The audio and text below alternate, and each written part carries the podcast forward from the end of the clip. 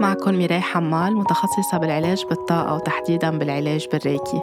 عرفتوني بآخر ثلاث سنين ببودكاست طاقة حب تناولت فيه مواضيع كتيرة انطلاقا من طاقة الحب والوعي.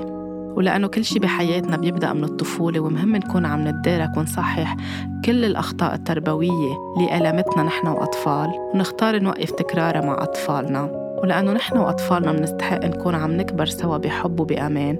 أنا اليوم معكم ببودكاست بيك الحب اللي رح يتضمن بكل حلقة سؤال وجواب وقصة صغيرة مستوحاة من مراقبتي اليومية لبنتي الصغيرة ياسمينة مستوحاة من ذكرياتي كطفلة ومن العديد من المشاهدات اليومية لقصص ومشاعر وتصرفات الأطفال من حولي.